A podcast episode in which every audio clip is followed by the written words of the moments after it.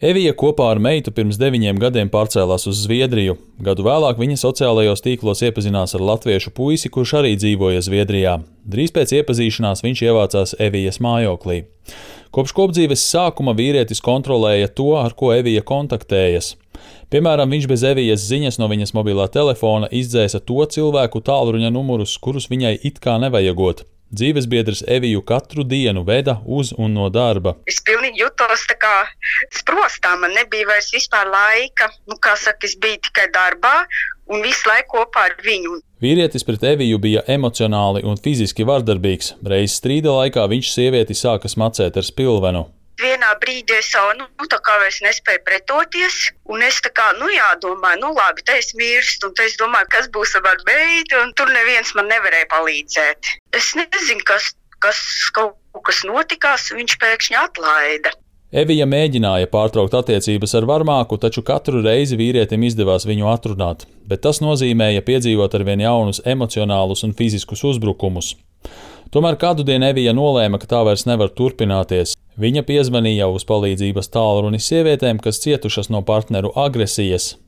Viņa ar meitu nokļuva vietā, kur mitinās no vardarbības cietušas sievietes. Evijai piešķīra valsts apmaksātas konsultācijas pie psihologa, kas viņai ļoti palīdzēja.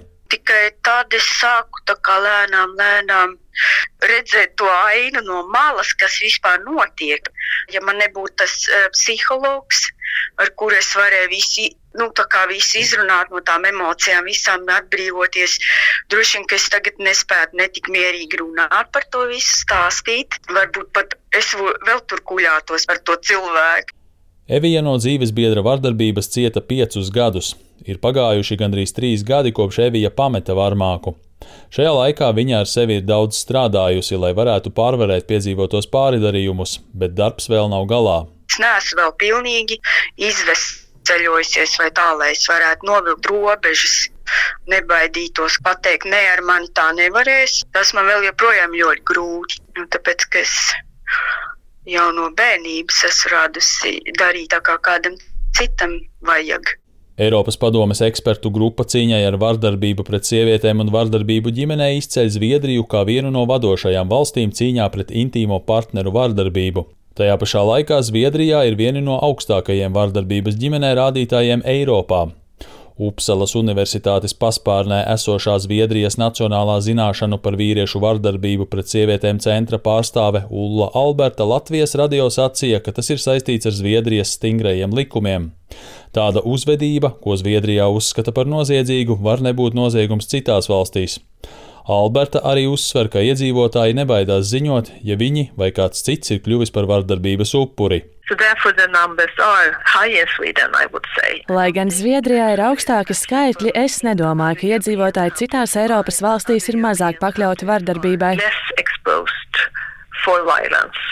Zviedrija kopš 90. gadiem sistemātiski strādā pie tā, lai samazinātu vīriešu vardarbību pret sievietēm.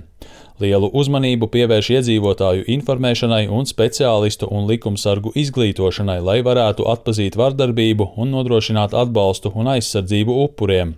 Piemēram, arodu izglītības iestāžu auzēkņiem obligāti jākārto eksāmens, lai pārbaudītu, cik labi viņi spēj atpazīt vardarbību un sniegt palīdzību upurim. Ulla Alberta norādīja uz atsevišķiem trūkumiem Zviedrijas stratēģijā. Uh,